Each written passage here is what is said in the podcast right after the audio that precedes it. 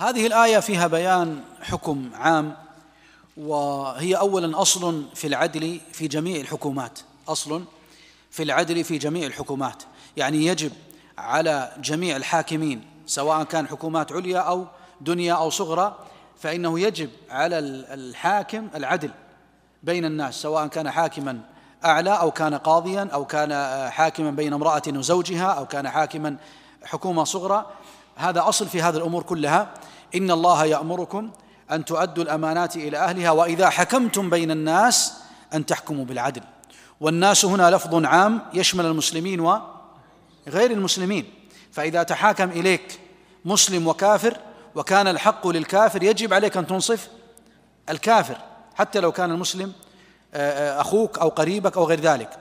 وهذا المفهوم من اللفظ العام مصرح به في آيات أخرى.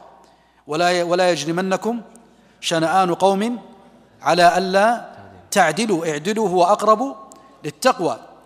إذا ما دل عليه اللفظ العام في هذه الآية من لفظ الناس دلت عليه نصوص أخرى بلفظ صريح.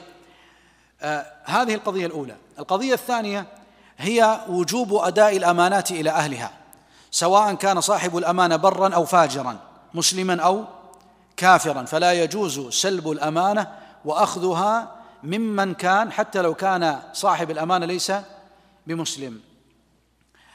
طيب إذا سأل سائل وقال الله عز وجل يقول وإذا حكمتم بين الناس أن تحكموا بالعدل ما هو العدل؟ ما هو العدل المأمور بالحكم به؟ هو شرع الله عز وجل.